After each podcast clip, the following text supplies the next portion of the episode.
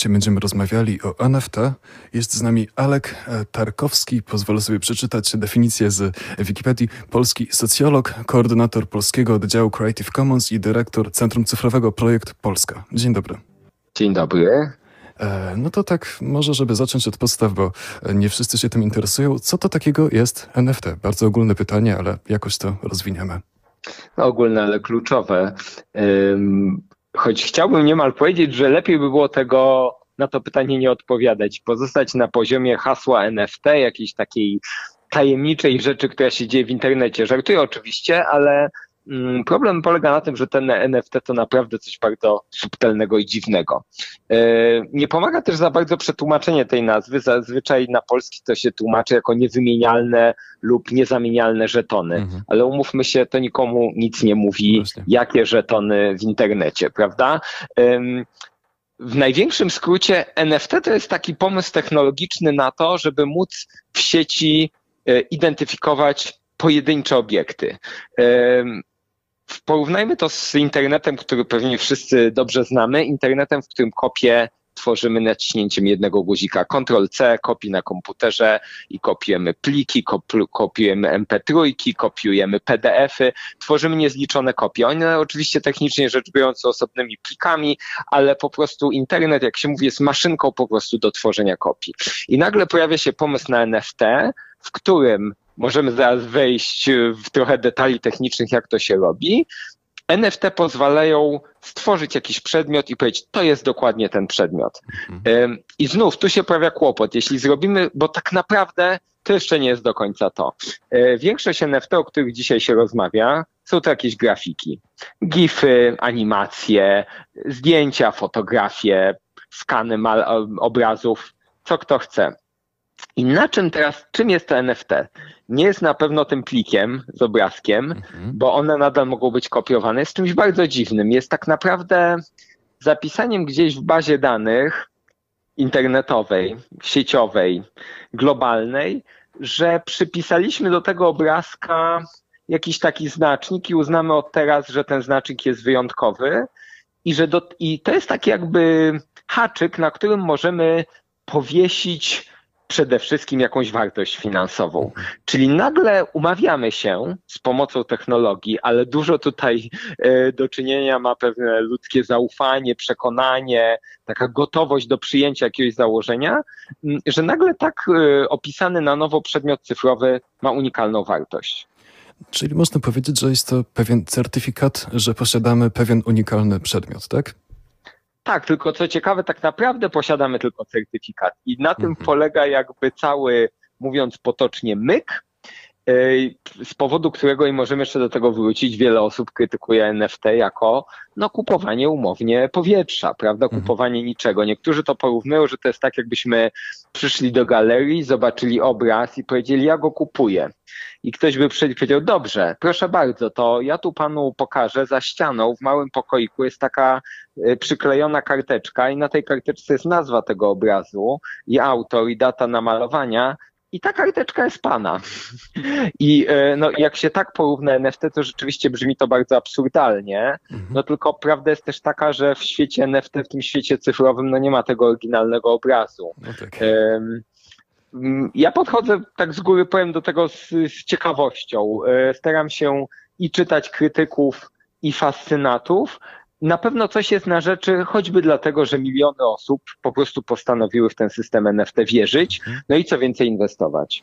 No jeszcze może tak wracając do tego absurdalnego porównania, bo ja bym powiedział, że pomysł, NFT jako pomysł sam w sobie rzeczywiście jest bardzo absurdalny, tylko wyjaśnianie go w ten sposób, to jakby powiedzieć, że komputer to urządzenie, w którym raz jest sygnał, raz jest wyższe napięcie, a raz jest niższe napięcie. No to niczego nie mówi, prawda? Tutaj tak, chodzi przede wszystkim tak. o zastosowanie.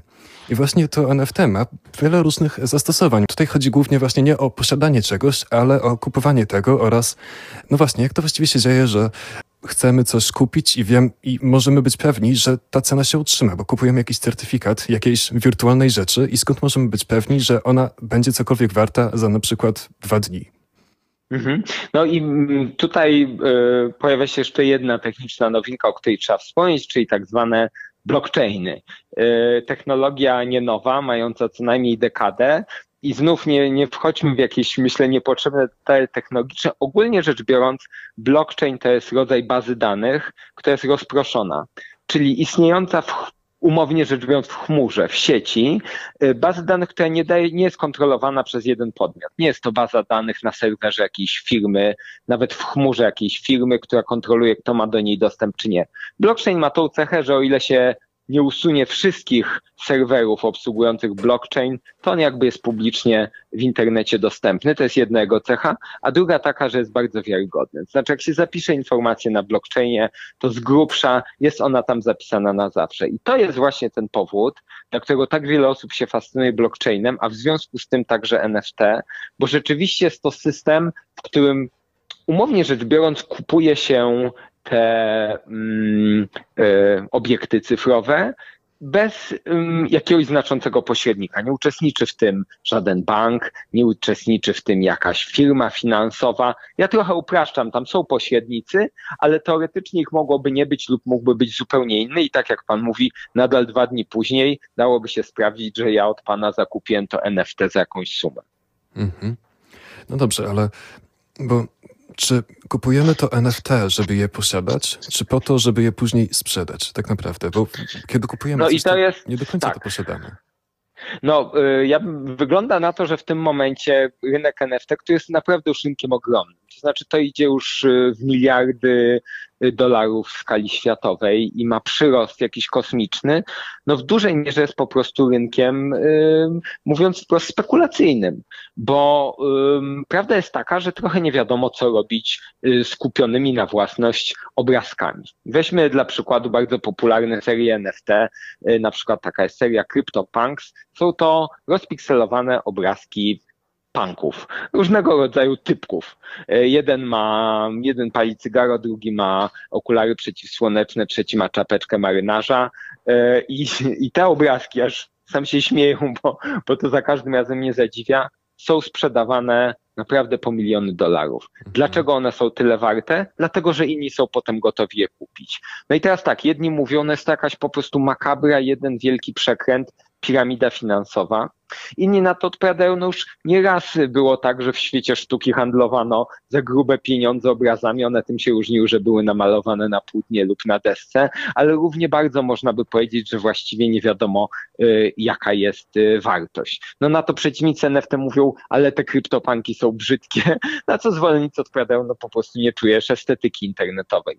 Więc znów, wydaje mi się, że jest na pewno w tym świecie NFT teraz bardzo z jednej strony po prostu dużo spekulacji. Masę ludzi w to inwestuje tylko po to, żeby zarobić i cały ten e, świat NFT no, nakręca się po prostu historiami o zysku, o bajońskim czasie zysku. Mhm. Ale gdzieś przy okazji jak to często bywa, na boku y, tych takich procesów ekonomicznych pojawia się strasznie duża energia kulturowa i ludzie zaczynają sobie zadać pytanie, no dobra, może coś y, z tymi y, NFT da się zrobić, jak nie dzisiaj, to w przyszłości. No i to wydaje mi się ciekawe. Mhm. No ale jeszcze wracając do tej wartości, bo właśnie ja bardzo dobrze rozumiem, kiedy na przykład kupiłbym jakieś NFT od jakiejś bardzo znanej osoby, która po prostu, nawet gdybym kupił od niej coś innego, to to także miałby wartość, ale kiedy kupujesz właśnie jakieś NFT z jakiejś jednej z wielu serii, która no właściwie nie ma nawet, nawet teraz jakiejś wielkiej wartości, to czy to jest w ogóle rozsądne? Dlaczego tyle osób to kupuje, skoro no właściwie jest tego tak dużo, że to prawie jak kupowanie jakiegoś e, hurtowo produkowanego produktu? No to jest ciekawe, ale to znów warto popatrzeć w już wcześniej się dziejące procesy kulturowe. Bardzo mnie inspiruje to, co NFT pisze mm, taka amerykańska strateg serbskiego pochodzenia, Anna Andielicz. Ona e, do niedawna była na przykład strategiem marki Banana Republic, takiej bardzo szanowanej firmy odzieżowej i ogólnie zna się na przemyśle dóbr luksusowych. I to porównanie wydaje mi się jedno bardzo ciekawe, a drugie bardzo ciekawe porównanie z różnymi niszowymi markami. Jeśli pomyślimy o świecie, nie wiem, projektantów e, streetwearu, prawda, jakiejś mody ulicznej, e, nie wiem, marki związane z kulturą skate'ową na przykład, to znów można sobie zadać pytanie, jak to się w ogóle stało, że jakaś taka marka związana z kilkoma chłopakami, którzy jeżdżą na deskach, nagle stała się modna. No bo działają potężne mechanizmy kulturowe kulturowe, ta kultura działa. Ja tak sobie na to odpowiadam, bo rzeczywiście trudno zrozumieć, dlaczego nagle tysiąc obrazków jakichś punków sprzedało się na pniu, stworzyło ich trzech chłopaków, których nikt wcześniej nie znał. Mhm. E, ale ja bym tu szukał dokładnie tych samych analogii. No mamy kulturę, która już od dziesiątek lat wyłapuje te nowinki e, i e, ma różne mechanizmy ich popularyzacji, zarówno te oddolne, po prostu ludzie się nagle nakręcają, jak i te takie bardziej formalne, i to też jest ciekawe z NFT, y, firmy różne, takie naprawdę poważne, pilnie się temu światu przyglądają. Na przykład niedawno Adidas zaczął wypuszczać mhm. NFT i to w ogóle jest bardzo ciekawy trend, prawda, że firmy produkujące realne przedmioty, Gucci zrobił to samo, nagle wypuszczają wersje wirtualne. No i znów można powiedzieć, że jest to kompletnie jakiś makiaweliczny pomysł, żeby sprzedawać y, powietrze obrandowane, sprzedawać nic, no a inni mówią, poczekajmy, może się okaże, że te wirtualne przedmioty mają jakieś zastosowanie. Mhm. Także zdarza się, że jacyś celebryci sprzedają e, no, rzeczy powiązane z ich twórczością. I tutaj też się pojawia kolejny problem, którego nie do końca rozumiem, więc się tutaj dopytam, bo rozumiem, kiedy się kupuje coś, e, no, jakiś celebryta sprzedaje jakiś bardzo niegotowy przedmiot właśnie jako NFT, tylko że kiedy już go kupimy, skąd możemy mieć pewność, że ta sama osoba nie zacznie sprzedawać później, nie wiem, setek takich przedmiotów? No właśnie, nie mamy pewności. To wszystko, y, mm, jak mówię, ja głównie podchodzę do tej całej historii NFT z ciekawością, podczas gdy wielu ludzi albo jest tym zachwyconych, albo przerażonych, bo jest to coś naprawdę bardzo dziwnego. Tutaj y, mówi się o tym, że to jest bardzo mocne technologicznie, także ta technologia blockchaina to wszystko gwarantuje, a ja mam poczucie, że to jest bardzo dużo takiej wiary, czasem nawet ślepej. Y, nic nie powstrzymuje twórców na przykład tej serii punków od tego, żeby wypuścić kolejne 10 tysięcy. Co więcej, nie wiadomo, czy przypadkiem te kolejne 10 tysięcy nie byłoby świetnym krokiem, bo to by się sprzedało na pniu i jeszcze bardziej podniosło wartość tych początkowych. Tak zresztą bywa z częścią tych serii, że to już są takie całe y, kampanie medialne, tak jak nie wiem, pojawiają się kolejne serie filmów o superbohaterach, to oni już planują, że co kwartał wypuszczają jakieś y, umownie nowe obrazki. Ale mówiłem już o tym, że ten świat NFT jest kompletnie nieregulowany. No są też takie historie dosyć łatwe do przewidzenia na nieregulowanym rynku, że pojawia się jakaś e, nowa seria. Ich projektant obiecuje cały proces, który zagwarantuje kupującym to, że one będą rosły na wartości, a tymczasem po prostu wypuszcza tą serię, zbiera pieniądze i umownie znika, porzucając projekt. Mhm. I nie da się z tym nic zrobić. No i, i teraz, prawda, jest znów kilka reakcji. No jedna jest taka, po prostu uregulować to natychmiast, a druga taka, bym powiedział, bardzo ala wczesny internet. Trochę zaakceptowanie, dużo ludzi naprawdę mam wrażenie akceptuje, że jest to umowny e, dziki zachód, e, na którym, w którym rządzą się dziwne prawa i możliwe są i wielkie wygrane i wielkie przegrane. Mhm. No właśnie, jak teraz o tym tak mówimy, to trochę wyłania mi się w głowie taki obraz, że NFT zarabiają tylko ci tacy wielcy, popularni twórcy oraz ci, którzy potrafią wmówić ludziom, że e, właśnie ich twórczość w przyszłości cały czas będzie cenna. A czy, no powiedzmy, taki przeciętny człowiek, ja, może e, właśnie zarobić na tym tak, żeby no, zarobić na tym powiedzmy, że coś stworzę i będę chciał to sprzedać, ale jednocześnie tak, żeby to później się na kimś innym e, nie odbiło, żeby nie stracił na tym. Tu może warto powiedzieć, że jest e, zapewne jest to nisza, ale jest jakiś taki świat twórców NFT, który stara się dziać bardzo świadomie. I to jest w mhm. ogóle bardzo ciekawe. To są zazwyczaj artyści, którzy widzą e, w NFT szansę na powiedzmy to wprost, lepsze lub godziwe zarobki w sytuacji, gdy szczególnie w pandemii często mieli bardzo trudną sytuację i też bardziej jakieś sprawiedliwe układy finansowania, dzielenia się środkami niż te, z którymi mają y, doświadczenie. Jest na przykład taka amerykańska artystka w Berlinie, Holly Herndon, która robi w ogóle bardzo ciekawe rzeczy. Ona moduluje swój głos z pomocą sztucznej inteligencji i stworzyła taki projekt, że stworzyła takie narzędzie cyfrowe, e, pozwalające właśnie ludziom, no umownie rzecz biorąc, samplować ten jej przetworzony sztucznie głos i wykorzystywać we własnej twórczości. Ona mogłaby to pewnie licencjonować w najróżniejsze sposoby. Ona to postanowiła zrobić na blockchainie mm, i stworzyła taki rodzaj, to się nazywa DAO, rozproszonej organizacji, korzystającej właśnie z tych technologii blockchainowych, trochę e, ala NFT, e, do zarządzania tym wszystkim. Ona oczywiście chce zarobić, ale mówi, że jej celem nie jest żadna spekulacja, nie jest e, handlowanie w tej i we w te, żeby się dorobić, tylko na przykład sprawiedliwy podział między różne osoby pomagające jej w jej twórczości, tacy jak inżynierowie dźwięku. I to mi się wydaje bardzo ciekawe, o tym się dużo nie mówi.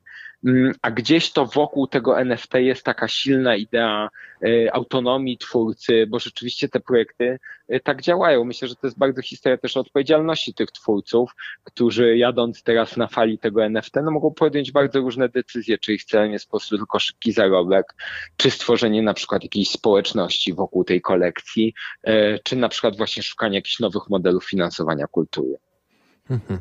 No to pozytywna strona bardzo mnie tutaj pociesza, ale kolejna taka myśl, bo no załóżmy, że um, uważam, że jakiś zespół muzyczny za rok zdobędzie listy przebojów i będzie miał mnóstwo fanów i powiedzmy, że ten zespół wydaje teraz NFT jakiegoś swojego, e, no z, jak, z jakimś swoim utworem, cokolwiek, prawda? No i oczywiście teraz opłaca mi się je kupić, żeby za, nie wiem, za dwa lata, kiedy ten zespół będzie popularny, sprzedać je za krocie, tylko mhm. że właściwie po co w tym całym procesie NFT skoro również dobrze mógłbym kupić od nich jakiś bardzo limitowany winyl.